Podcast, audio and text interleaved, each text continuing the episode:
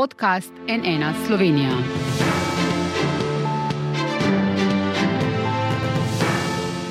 Dober dan, to je NN studio. Volilnih nedelj še ni konec, pred nami so še lokalne volitve in referendumi o treh zakonih. Glede na dogajanje na terenu in v medijih je največ naporov politike in civilne družbe usmerjenih v zakon o RTV Slovenija. Nezadovoljstvo zaposlenih se še naprej povečuje, nekatere ključne položaje v javnem zavodu, zlasti na televiziji in njenem informativnem programu, pa zasedajo sodelavci in podporniki prejšnje oblasti. Zaposleni govorijo o prevzemu, retorika se stopnjuje. Dober dan, spoštovana gosta, direktorica inštituta 8. marec Nika Kovač, dober dan in direktor televizije Slovenije, gospod Uroš Urbanija, lepo pozdravljeni. Pozdravljeni. Še preden pa uh, začnemo, uh, bomo nekaj pogledali. Velik del zaposlenih v tem trenutku še vedno uh, stavka. V ponedeljek so imeli znova uh, novinarsko konferenco uh, v njej. Na tej novinarski konferenci gospod Urbanija so celo dejali, gospa Helena Milinkovič, ki bomo zdaj slišali, da morate vi oditi najprej, da vam je treba celo prepovedati vstop na RTV Slovenija. Pa poglejmo zdaj to izjavo ne bomo pristali ne na šikaniranja, ne na poniževanja in ne na deprofesionalizacijo poklica. Tisti, ki to, ki to zagovarjajo, naj odidejo takoj. Javnost jim ne zaupa, zaposlenim ne zaupajo. Gospodar, odpokliči svoje pse. Eh, gospa Nika Kovač, a je to za vas še sprejemljiv način izražanja uh, sindikalnih, ozir, sindikalnih oziroma stavkovnih zahtev? Gospodar odpokliči svoje pse? Ne, absolutno mi v inštitutu takega načina komunikacije ne uporabljamo. Se mi pa zdi v resnici žalostno, da soočanje o stanju na RTV, ki se poglablja uh, v zadnjih mesecih, začenjamo s tem. Tam je situacija resna. Zaposleni odhajajo na bolniško zaradi tega, ker so razmere neuzdržne. 38 jih je dobil opomin opomin pred tem, da so odpuščeni, zaradi tega, ker so se solidarno postavili za svojim kolegom. Oddaje se ukinjajo brez jasnega pojasnila, in hkrati smo se zdaj, v tem trenutku, ne zapletli v to, kaj se tam dogaja zdaj že zadnje leto, ampak v eno samo izjavo nekoga. Torej, če moram odgovoriti na to, in absolutno odgovorim, to ni način komunikacije, ki ga mi podpiramo, ampak dajmo se pogovarjati o tem, kar je bistveno. Torej, o tem, kar se dogaja na javni RTV, ki je bila popolnoma politično prevzeta. Eh, gospod Urbanija, zdaj vas je ta izjava, eh, ki smo jo slišali strani gospe Helene Milinkovič, zelo zmotila. Zakaj? Kaj konkretno? Lejte, uh, zmerjanje, žaljenje vseh, ki mislijo drugače, kot misli uh, ena izmed uh, sindikalistk na RTV-ju, je nespremljivo. Ne moremo govoriti o tem, o tako imenovani, kot se je tudi v medijih pojavljalo, o deratizaciji na RTV. Ne moremo govoriti torej o posameznikih, ki drugače mislijo, da so psi, ki jih je treba izgnati iz RTV. To ni retorika, uh, niti ki bi sodila v gostilno, kaj šele v javni diskurs, kaj šele v diskurs tistih, uh, ki so zaposleni na RTV. In ki so v službi javnosti. Pa kaj pa vsebina, ne? tudi to, kar je gospa Nika Kovač upozorila, kaj vse se tam dogaja? Uh, lejte, uh, težko, težko je pravzaprav uh, konstruktivno uh, komunicirati, uh, diskutirati, reševati probleme uh, s posamezniki, ki druge zmerjajo s psi. Najprej je treba to osnovno komunikacijo izboljšati. In to, če se spomnite, že ko sem prišel jaz, Julija na RTV, je bila ena iz mojih, mojih osnovnih idej, pa tudi želja, da se znotraj kolektiva izboljša ta komunikacija, da se ljudje med seboj javno ne žalijo, ne zmerjajo. Kajti to je tudi vrst, svoje vrstno trpinčenje, mučenje drug drugega. Ne predstavljam si eh, pravzaprav sodelavcev v desku, recimo, eh, ko se javno preko Twitterja ali preko Facebooka drug drugega žalijo, naslednji dan pa morajo skupaj sedeti in ustvarjati profesionalne vsebine. To je tisti osnovni problem, iz katerega pravzaprav bi morali izhajati. In vsak bi se moral zavedati, da to, ta, to vrstna komunikacija ne vodi nikamor, v prvi vrsti pa seveda tisti, ki smo za to najbolj odgovorni. Vodstvo RTV-ja na eni strani, na drugi strani pa seveda tudi uh, predsednica sindikata. In tudi ja. vi, eh, tu je treba, se upravičujem, gospod Kovač, tudi vi na Twitterju, gospod Urbanija, vendarle svojim podrejenim zaposlenim tu in tam napišete direktno karkoli, ne, kar bi lahko bilo razumljeno tudi kot pritisk, uh, gospod Kovač. Ja, jaz mislim, da um, se je tukaj treba tudi vprašati, kakšno je strukturno mesto gospoda Urbanije. Gospod Urbanija je direktor televizije, gospod Urbanija je bil prej direktor UKOM-a. Zaradi gospoda Urbanije smo državljani in državljanke, tako kot za humanitarne organizacije, zbirali denar za zaposlene na STA-ju, ki so ostali brez vsega.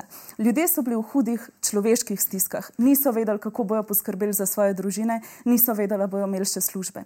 Gospod Urbanija je direktor televizije, kjer je treba povedati naslednje: da je 21 od 29 članov programskega sveta imenovala politika. In jaz, gospoda, imam za pametnega človeka in ga tukaj sprašujem, zato ker sem generacija leta 93, jaz partijske politike ne poznam. Ampak, gospod, a se vam ne zdi čudno, da v nekem trenutku prvi človek vladnega komuniciranja postane direktor televizije. A se vam ne zdi čudno, da PR-ovka te iste vladne stranke postane urednica dnevno-informativnih oddaj? A se vam ne zdi čudno, da svetniki, ki so imenovani, rečejo, da bodo glasovali kot en sam mož? A se vam ne zdi čudno, da je takratna vladna opcija v člane programskega sveta imenovala samo člane vlade oziroma strank, ki so nas, na, naklonjeni. Jaz res, kot sem rekla, mlada sem, partije ne poznam, ampak meni se zdi to partijski režim. Režim, ki ni demokratičen in to vrstnega delovanja jaz ne poznam. Partijski režim, gospod Urbanija. Lejte, predvsem bi upozoril na eno, stran, eh, eno stvar. Uh, na RTV-ju so zadnjih, če ne rečem zadnjih deset let ali pa celo več, uh, pravzaprav neformalni seznami prepovedanih oseb, ki ne smejo nastopati na RTV-ju.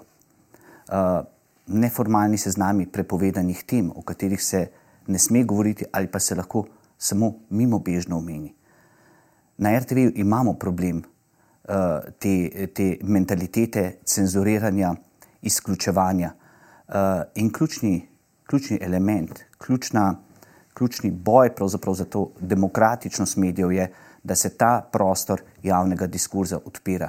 Nikomor ne smejo biti zaprta vrata na RTV v smislu doprinosa k temu javnemu diskurzu. Če je aktiven podpornik ene od političnih opcij, tudi v tem primeru, ni važno, za njo navija javna ni, ni važno, pogledajte, eh, pravzaprav, kdo je. Vsi smo državljani Slovenije, to je zelo bistveno. Bi pa povedal še eno stvar. Uh, jaz sem prišel na mesto direktorja, ne na novinarsko mesto, torej na uh, menedžersko mesto, pred menoj in um, aktivno v politiki nisem bil nikoli. Ne. Tudi funkcija direktorja UKOM-a je strokovna funkcija, to ni politična, to ni kabinet predsednika vlade, da smo si na jasnem. Prišel sem, imam svoje stališča, imam svoje vrednote, kar je legitimno in kar pravzaprav ima vsak na RTV in tako je tudi prav. Vprašanje pa je drugo, ali na mestu, kjer sem jaz, ali pa kjer je vsak novinar, opravlja delo profesionalno ali ne. To je ključno vprašanje. Na drugi strani pa lejte smo jim in seveda je pomembno tudi ta transparentnost. Vsak ve, kdo sem, kakšna stališča zastopam in to pravzaprav je transparentno in jasno. Imamo pa drug problem, ki smo ga imeli na RTV-ju. Številne novinarke so se predstavljale kot neodvisne. Naslednji dan, vidite, stopijo direktno v politiko, ne samo da postanejo celo predsednice, recimo stranke SD ali pa aktivne, aktivne uh, torej, uh, političarke znotraj državnega zbora. Uh, odhajajo tudi v PR službe strank in tako naprej. In to je ta problem. Saj, če en dan si nekaj govori v javnosti, na to se pa izkaže, da si nekdo drug. Bi... Tukaj je pomembna ta transparentnost. Ni važno, kakšne ideje imamo, kakšna stališča moramo biti transparentni. Pomembno pa je, da ko delamo, ko upravljamo svoje delo, da ga upravljamo profesionalno. Ja, jaz imam potem še nekaj vprašanj glede transparentnosti, glede cenzure, glede vsega. Zakaj se potem novinarje kaznuje, ko omenijo, da je bil prispevek uh, uvrščen po izrečenem navodilu nekoga? Zakaj se potem novinarje kaznuje, ko se postavijo drug za drugega in izrazijo solidarnost. Zakaj so nekatere oddaje ukinjene, zakaj so kar naenkrat zginile, čeprav to nikjer ni bilo zapisano ali naročeno. In tukaj, gospod Urbanija, se ne gre samo za Studio City, ki ga vi transparentno ne marate. Tukaj se gre za oddaje, kot je Zvezdana, za oddaje, ki so bile namenjene ljudem. In kar pa se jaz strinjam, je pa to, da razmere na RTV-ju nikoli niso bile popolne. Mi se tega nikoli ne, nikoli se ne sprenevedamo, nikoli ne lažemo, nikoli ne govorimo, da politike prej ni bilo. Politika je vedno bila v RTV-ju, politika je vedno delovala na RTV-ju, delovala je v sodelovanju SD-ja in SDS-a, delovala je na najrazličnejše načine. Ampak kar se pa zdaj dogaja, pa kaže na to, da se politika, ko ima moč, ne omeji. In ker se politika ne omeji, ne omeji je potrebno zakon spremeniti. In zakaj ta zakon spreminjamo in zakaj mi govorimo, absolutno smo za spremembo tega zakona, zaradi tega, ker omeji moč politike pri nastavljanju ljudi v sam svet RTV-ja. In to ne počnemo zato, ker bi se mi želeli v prvi vrsti znebiti gospoda Urbanije. To počnemo zato, ker nočemo, da potem na eni točki gospod Golob nastavi svoje ljudi, pa se razvijajo enake prakse. To počnemo zato, ker se nam zdi ta zakon preprosto najboljša možnost za to, da se omeji prevzem politike na RTV-ju in da se omeji širjenje politične propagande. In zato smo za. In za smo še zaradi enega razloga, zaradi tega, ker verjamemo, da je to na dolgi rok najboljši možen zakon, ki bo to uredil. In o tem se dajmo pogovarjati. Ampak vi, gospod Urbanija, pa ne verjamete, da ta zakon predlagani o RTV prinaša depolitizacijo javnega zavoda. Prav nasprotno, vi pravite, da v bistvu s tem, ko umika formalno politiko, ne 21 programskih svetnikov, 29 jih trenutno imenuje državni zbor, da s tem, ko se jih pač državni zbor umika iz tega odločanja imenovanja po novem sveta RTV, da pa s tem se nekako prikrito politizacijo omogoča. To vi pravite. Lejte, uh, ena stvar je transparentna. Se, če preko državnega zbora so pravzaprav stvari zelo transparentne. Uh, in Poslanci so pravzaprav naši predstavniki, predstavniki vseh nas, ki morajo sprejemati določene odločitve. Ampak v prejšnjem je... mandatu se popravičujem, so pa, dali, so pa izvolili za programski svet samo tiste, ki so jih predlagale stranke, ki so dajale glasove za preživetje ja, lejte, vladi. To je dejstvo. Tudi to je moralo biti koalicijsko sklenjeno. Se reče, zelo različni. Uh, Brez opozicije. Z, zelo različni. Lejte, tudi, tudi to se strinjam, tudi to se strinjam da bi moralo biti urejeno.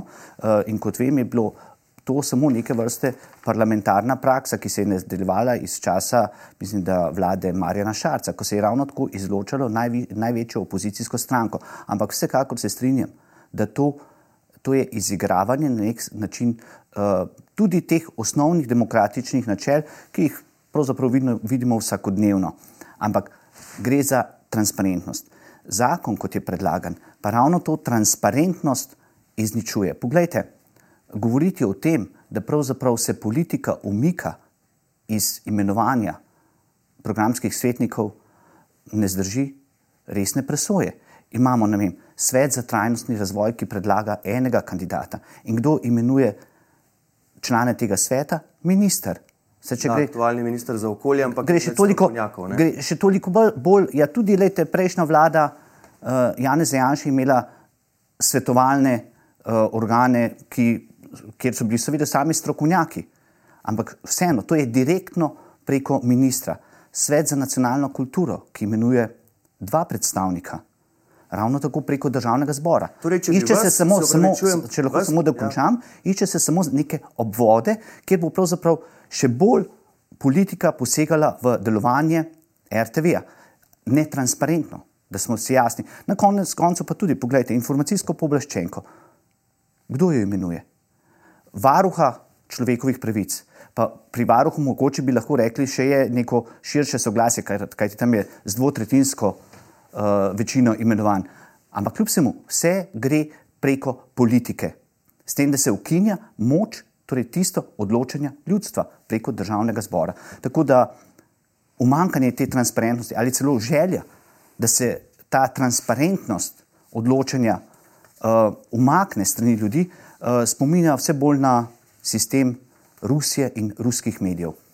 Ja, to, je, to je malo smešno. No? Uh, smešen je zaradi tega, ker tukaj govorimo o nevladnih, o civilni družbi, govorimo o neodvisnih organih in govorimo predvsem o tem, da bodo te člani in članice izbrani preko razpisov, preko javnih razpisov, preko nekih demokratičnih postopkov. Ko pa gospod Urbanija govori o, o problematičnosti tega zakona, pa brani svoj položaj in brani svoje lastne privilegije. Mi preprosto vidimo, kaj se je pod obstoječim zakonom zgodilo z javno RTV.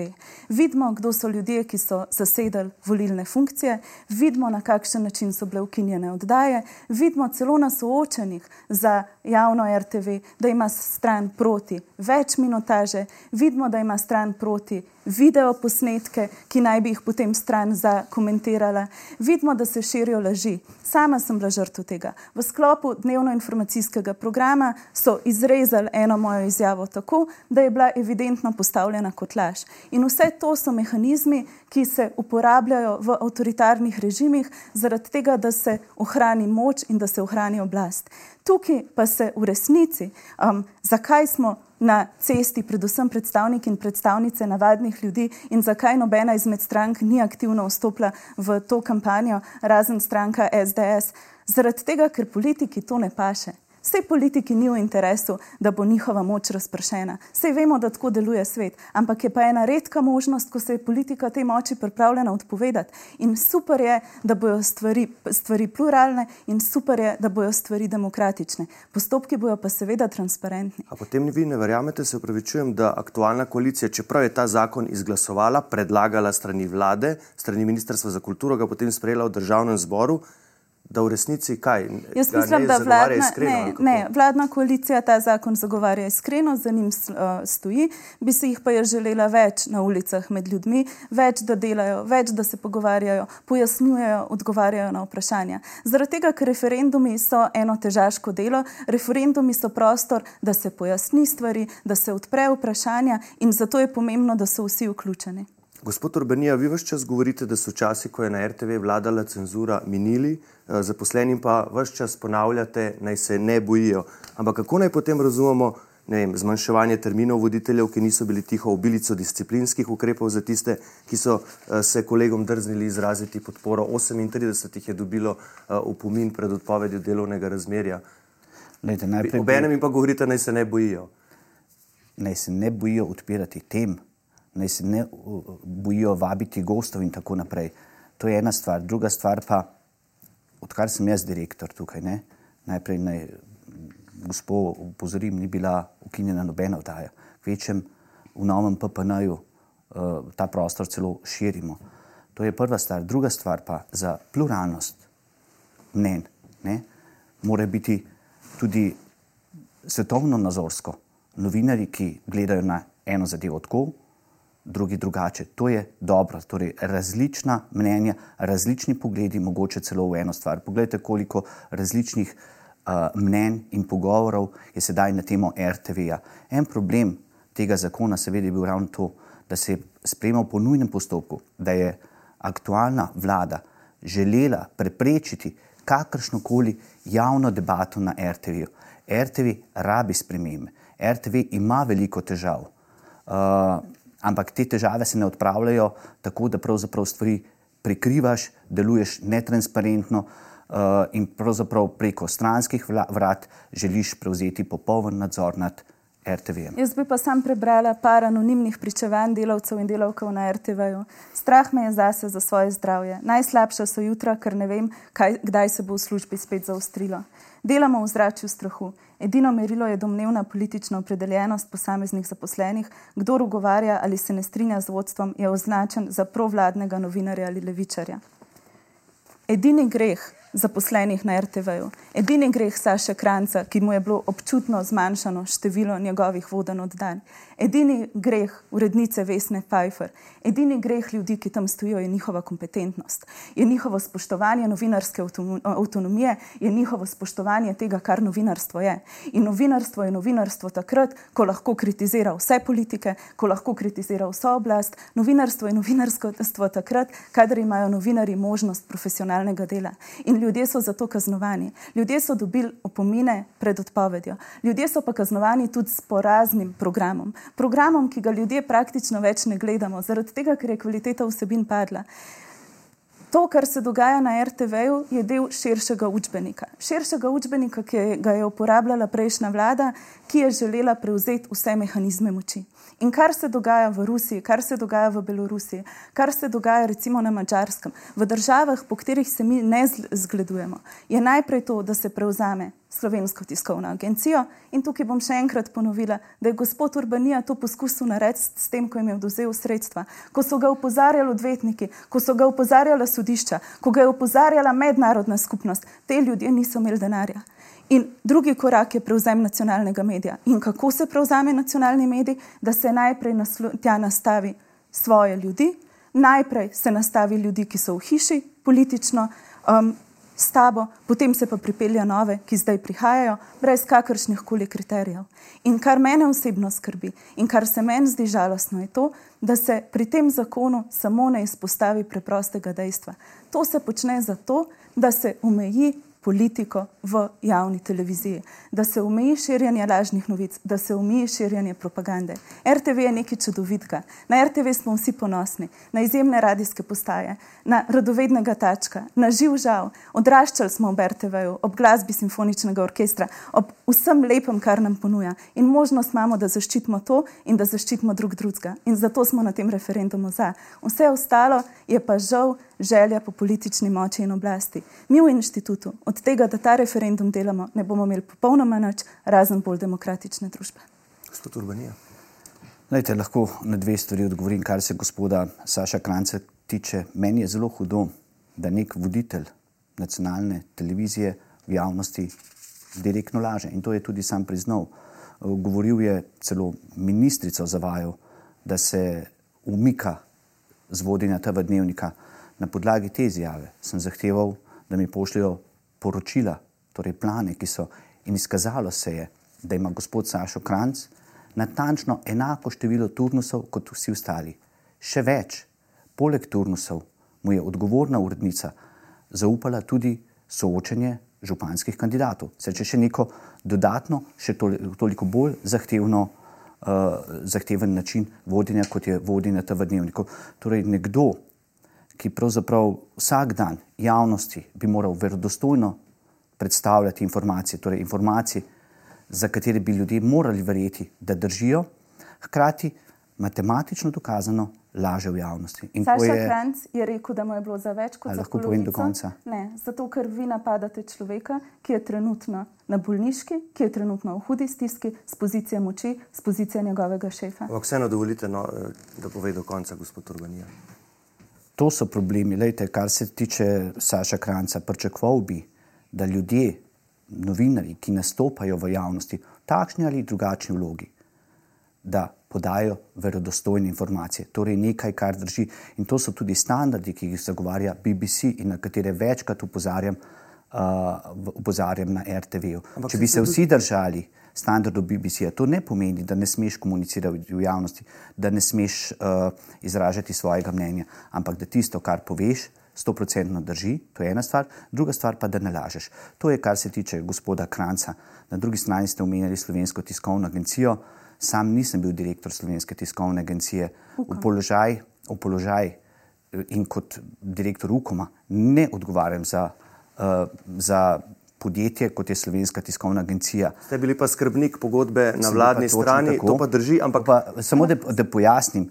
In uh, direktor, tedajni direktor Slovenske tiskovne agencije, je na vse možne načine izigraval izvajanje tako pogodbe o Slovenski tiskovni agenciji, kot tudi o uh, samega zakona o Slovenski tiskovni agenciji. Naj mogoče tukaj upozorim, uh, ena izmed takih zelo nevralgičnih točk je bila v zakonu je jasno opredeljeno, da je fotografski servis Slovenske tiskovne agencije javna dobrina in kot tak brezplačen.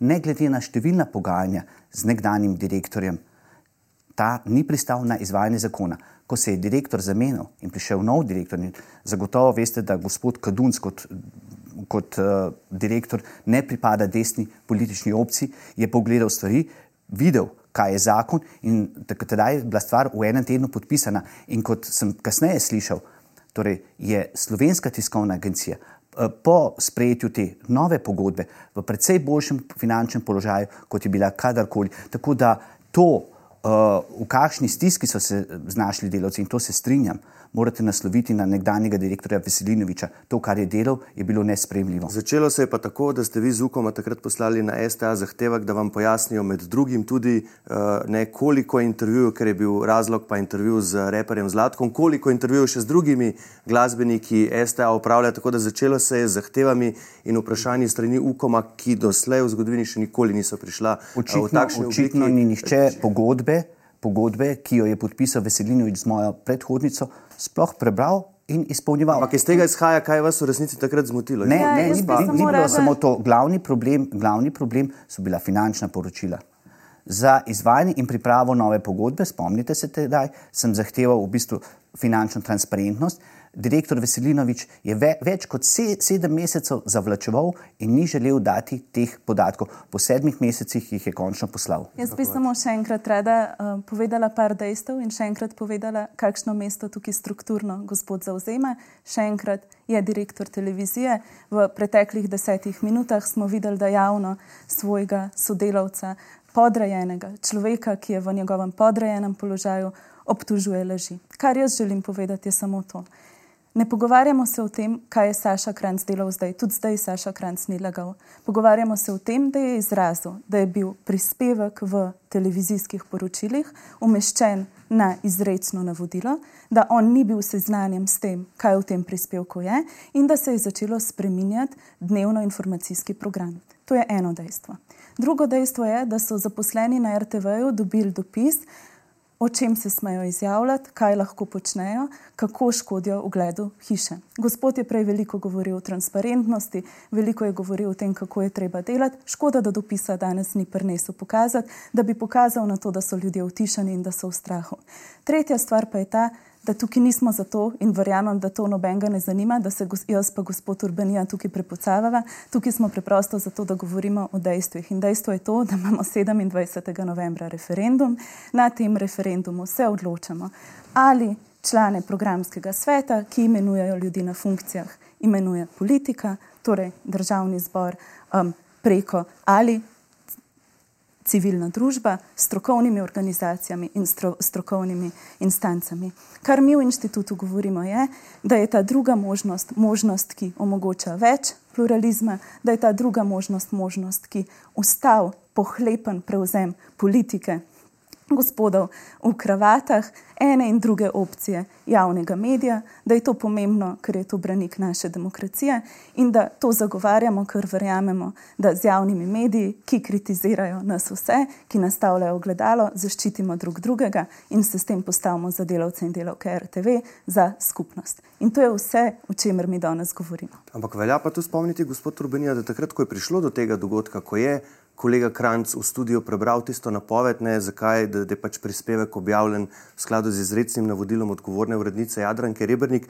Vi takrat ste reagirali, ne? ste nekako že nakazali disciplinske postopke, čež da ste se takratna uh, urednica dnevna, gospa Pfeiffer in gospod Kranc znašla v očitni zagati, stiski in od tam Potem, potem so mu zaposleni stopili v bran, so se postavili za njega, za njih so sledili disciplinski postopki, 38, torej v pomeni pred odpovedjo, on je pa dobil manj terminov uh, vodenja dnevnika na račun, da ste pač pripeljali nove voditelje. Lejte, uh, dve stvari škoda, da je gospani tega dopisa, o katerem govori, in ga jaz ne poznam, prinesla in pokazala tukaj. Sam nisem seznanjen s tem dopisom, ne vem, o čem govori. Uh, bi bilo pa fajn, če se pogovarjamo tudi prej so bile neke obtožbe, tako povšalne. Če je kakršna koli obtožba, da je konkretna. Zdaj, če se pogovarjamo o tem konkretnem primeru, šlo je za obračun v jezi z odgovorno urednico preko TV zaslonu. To je nedopustno. Sam sem imel neko soočenje na Radio Student, eh, tudi z enim izmed urednikov, eh, ki je bil celo proti kandidatu odgovorne urednice in je priznal, da v 30 letih se je pogosto zgodilo, in kar je tudi v medijskem svetu normalno, da odgovorni urednik naroči posamezno temo in se obdela, ampak nikoli se preko ekrana ni obračunala s tem ali drugim urednikom. Ker običajno uredniki so tisti, ki naročajo teme.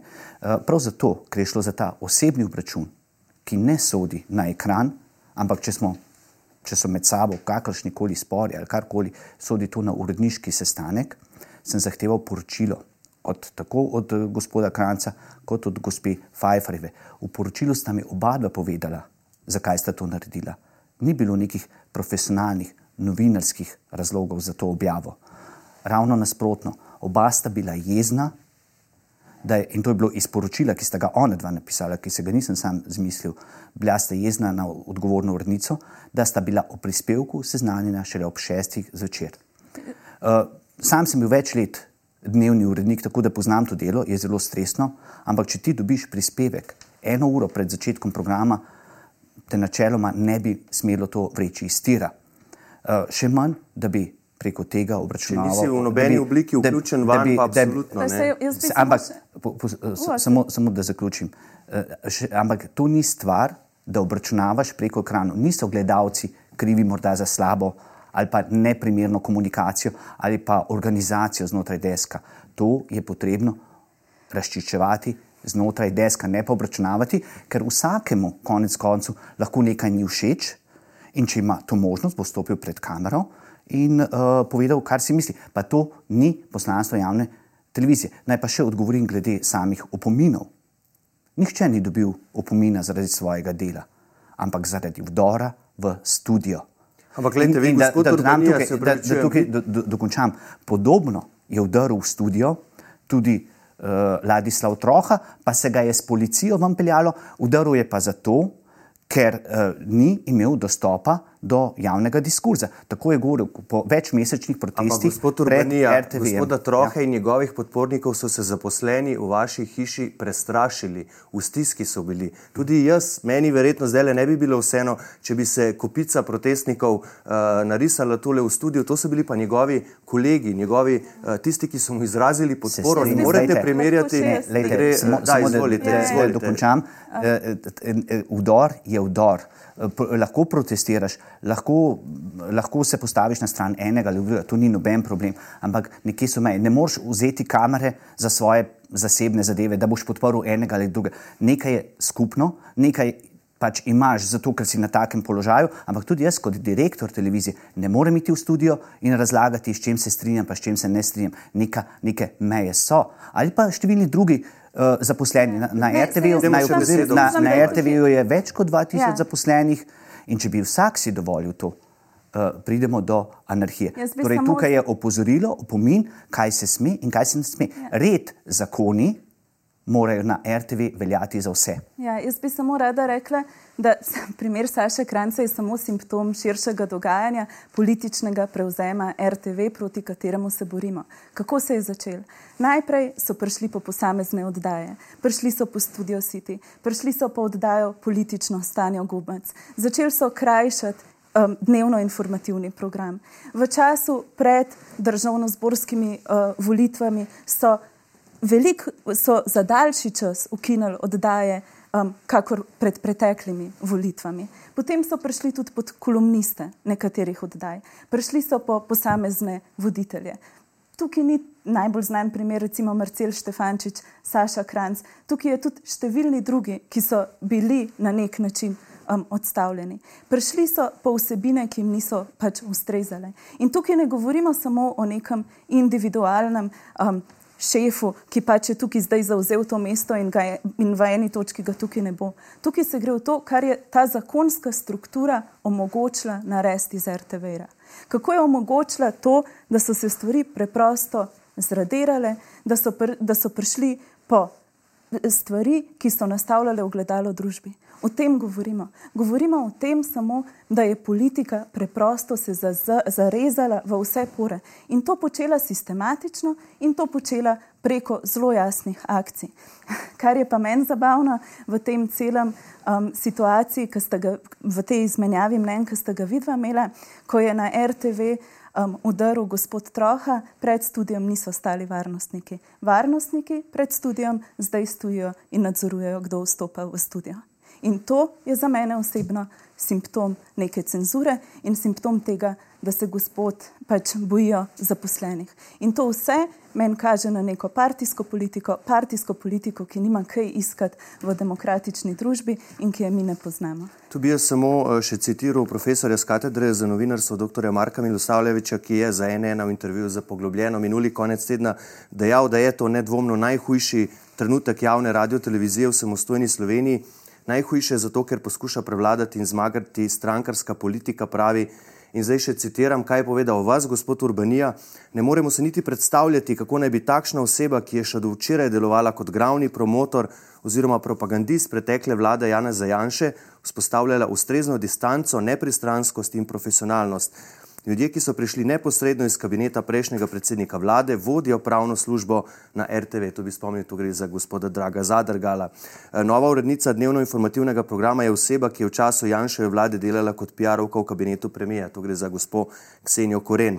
Strankarska uzurpacija je torej popolnoma jasna, česa takšnega v Sloveniji ne pomnimo. Ampak mene tu zanima nekaj drugega, gospod Urbanija. Kako to, da se recimo tudi vi niste odločili za formalen vstop v referendumsko kampanjo, kot je to storil generalni direktor RTV Slovenije, gospod Andrej Graj, Grah Watmov, pa na koncu niti na televiziji Slovenije ni mogel nastopati. Lejte, to je odločitev, kdo bo v referendumsko kampanjo vstopal, pravzaprav vsakega posameznika. Jaz se no, zato nisem odločil. Televizija mu je pa preprečila nastop. Ja, jaz se zato nisem. Lejte, to je pa tisto, kar se pravi. Uredništva so avtonomna. Odgovorna urednica se avtonomno odloča na podlagi, seveda, kriterijev, ki jih ima. In to je zelo pomembno. Uh, kar se pa tiče gospoda Milosavljeviča, mene zelo žalosti, da profesor, ki uči novinarstvo, od katerega bi pričakoval, da stvari strokovno gleda, uh, pač govori kot član, uh, kot član, bi rekel, najbolj zagret član kakšne skrajno leve stranke.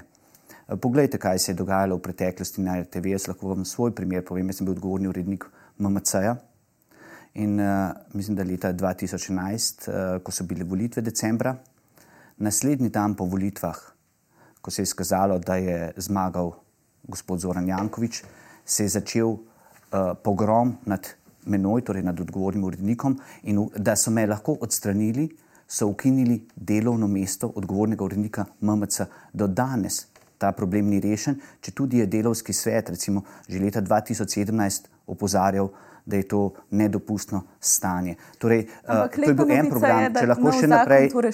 Gospa, lahko da... povem do konca? Ali... Ja, ja. Lahko povem, hvala. Uh, potem imate naprej primer leta 2017, kako se je izobračunalo stanje odgovorno urednico Jadranko Rebrnik zaradi enega intervjuja, ki ni bil povšeči tedajni vladi, uh, so odstavljali direktorico, urednika tednika in tudi njo kot odgovorno urednico. Konec leta 2017 so odgovorno urednico odstavili.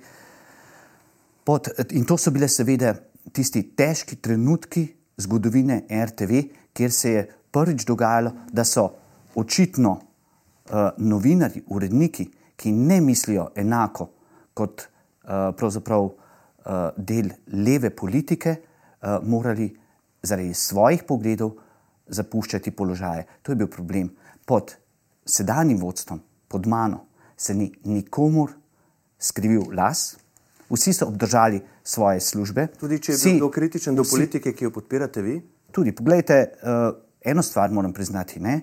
Večkrat so me vprašali, koga lahko znotraj informativnega programa najbolj pohvalim. In tukaj, če smo čisto iskreni, je naša paradna oddaja tarča z voditeljico Eriko Žnidršič, ki stvari vodi skrajno profesionalno. In to bi pričakoval od vseh voditeljev, uh, od vseh novinarjev. Uh, če bo šla stvar v tej smeri, potem se nam ni treba bati za RTV. Če bo šla pa stvar tako, kot gospa pravi, in se bomo vrnili v nekdanje čase, za katere sicer jih očitno dobro pozna, uh, pa, pa to ni prihodnost ne RTV-ja, ne demokracije v Sloveniji. Ne, meni se zdijo vsi poskusi političnega obračunavanja znotraj javne hiše ob menjavah političnih opcij problematični. Mi to vedno govorimo. Mi tukaj ne želimo braniti nobene politične opcije. Mi tukaj govorimo samo o principu, da tudi to, kar je gospod govoril, absolutno ni prav. Eden od temnejših trenutkov pa se dogaja na RTV-ju tudi zdaj. In zato je odličen trenutek, da se ta zakon spremeni, da se tudi določ urednika MMC-ju, da se vse skupaj um, v bistvu uredi in da se končno premakne stvar na boljš. Vsem je to v interesu. In zaradi tega je ta glas za to pomemben. Gospod Urbanija, zakaj pa vi menite, da je borba inštituta 8. marec in vlade borba za TV Ljubljana?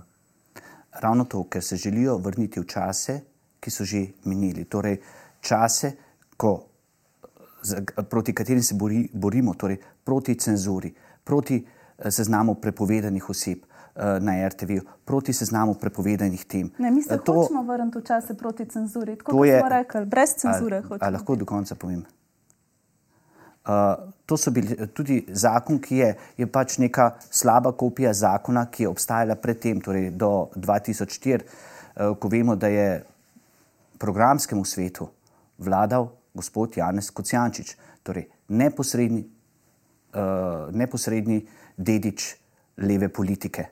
In to, to je ta pravzaprav osnovni strah, še bolj pa strah pred netransparentnostjo. Torej, kot sem že omenil, programske svetnike bo znova imenovala večinoma politika, samo ne preko ljudstva, torej preko državnega zbora, ampak direktno preko ministrstv. Ja. Gospod Kovač.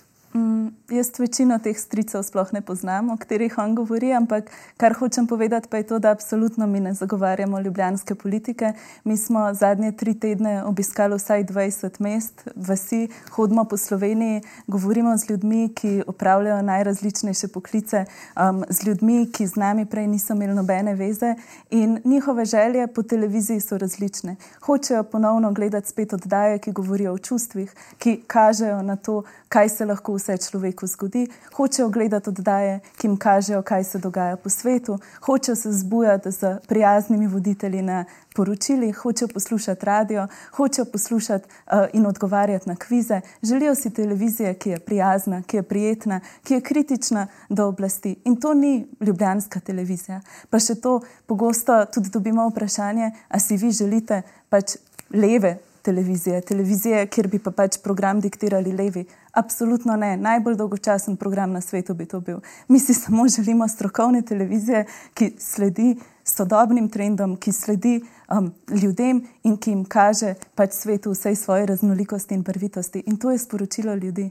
To, kar ste preomenili, ne, da, ste, da ste po terenu obiskali ste številne slovenske kraje, tam organizirate dogodke in vaši nasprotniki so vas že nekako začeli izzivati, da, da kako vi financirate vse te uh, dogodke. Ne?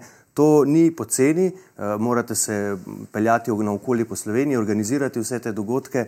Uh, je to na bazi prostovoljstva? Kako v bistvu ja, financirate? V bistvu, ful, hvala za to vprašanje. Mi to kampanjo financiramo s prostovoljnimi prispevki, um, kar nekaj nam še manjka, tako da če je kdo pripravljen donirati za našo delo, bomo veseli.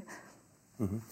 Gospod Urbanija, še vaša eh, zaključna misel. Ne, tudi videli smo v ponedeljek, je bil sklican, bila sklicana seja programskega sveta, pa potem razprava o razmerah tudi v PPN, o programsko-produkcijskem načrtu, ni bila izpeljana zaradi tega, ker v bistvu pač poteka referendumska kampanja in, je, in se je vanjo kot fizična oseba prijavil tudi predsednik programskega sveta, gospod Petr Gregorčič. Eh, se vam zdi, glede na to, da ste za transparentnost, za, za to, da vsak lahko pove, kar misli, je, gre to v tej smeri?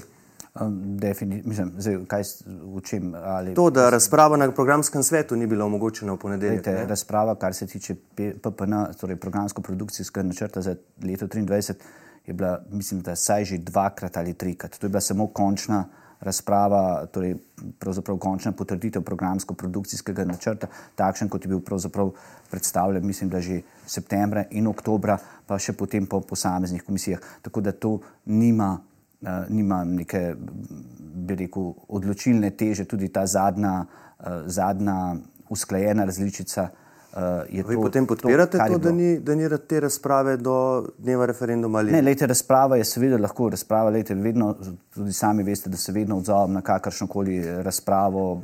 Tukaj ni, mislim, da so argumenti uh, zelo močni. Uh, to, kar delamo, uh, delamo uh, v, eh, torej, za, za željo res demokratizirati RTV, res narediti to hišo pluralno, torej to hišo takšno, v kateri se bo pravzaprav znašel vsak državljan. Nespremljivo je, torej, da vem, lahko 30-40% državljanov RTV-ja ne čuti kot svojega. Torej, v tem smislu je vedno znova se treba vprašati, ali morda kaj delamo na robe, ali lahko naredimo kaj boljše, da bomo lahko nagovarjali vse državljane. Zgled ob tem, seveda, nam mora biti v prvi vrsti preprosto lahko tist, tista prva javna RTV, to je BBC. In če bomo potem delali, uh, jaz mislim, da uh, se za prihodnost ni bati. Če bomo šli pa v smeri politizacije, torej kar pripravlja sedanja vlada, spomnil bi še na, na, na izjavo predsednika vlade Roberta Goloba ob stotih dneh, njegova največja žalost, bolečina ob stotih dneh je bila, da ni stoprocentno prevzel kontrole nad RTV. Ni tega RTV. rekel gospod Urbanija, naša največja bolečina je RTV. Točno to tako, rekel, točno tako. Točno to, ampak predstavljajte si predsednika demokratične, prozahodno usmerjene vlade, da bi ob stotih dneh uh, izrazil to, da je njegova bolečina RTV, ki ga pravzaprav ni prevzel tako, kot si je zaželel. In to, je, in to je problem in proti temu se je treba boriti, če ne želimo pristati uh, na nivoju Putinovih medijev, Putinove Rusije. Je to avtokratsko, to, kar je dejal gospod Golop, je to putinistično? Ne, absolutno ne. Pa tudi gospod Urbanija pač ponavlja stvari, ki jih mora govoriti. Pač tukaj se gre preprosto za to, da se je Robert Golob zavezal, da se bo stanje na RTV-ju uredilo in da se to stanje ni uredilo. In jaz mislim, tle sem jaz bila na zadnje, ko smo zmagali na referendumu za čisto pitno vodo in jaz sem takrat rekla, da ljudje niso neumni, da ljudje točno vedo, kaj se dogaja in da je ljudem situacija jasna. In vsak, ki odpre program RTV-ja, vsak, ki spremlja novice, vidi, kaj se dogaja. In to v resnici kaže tudi um, na preprosto dejstvo, da je bila ta televizija politično prevzeta. In kar je lepo, je to, da imamo rešitev. In ta rešitev preprosto je pač nov zakon, um, ki je izjemno pomemben, zaradi tega, ker pač spreminja stvari na ta način, da se politika na levem ali na desnem polu ne bo mogla na ta način zagrist, zajest, um, uničevati tisto, kar je javno in tisto, kar je skupno. Sveda, in to je to glavno sporočilo. Sveda, najbolje bi bilo, to bi bila idealna država, po mojem, če bi politika čim manj posegala, urejala medije, ampak samo vzpostavljala pogoje, zato da lahko mediji delujemo profesionalno in v interesu javnosti. To je najbolj pomembno. Uh, bomo videli, seveda, kako bodo na koncu odločili ljudje. Za danes pa spoštovana gosta, gospod Uroš Urbanija, gospa Nika Kovač, hvala lepa, da ste bila v tem studiu. Hvala lepa. In še rokovanje, tako naj bo takšnih pogovorov in razprav čim več. Eh, vam pa najlepša hvala za vašo pozornost. Danes seveda spremljate še naprej našo spletno stran nnainfo.si, kjer objavljamo vse zadnje informacije v zvezi z RTV Slovenija, pa tudi vse drugo. Hvala lepa in nasvidenje. thank you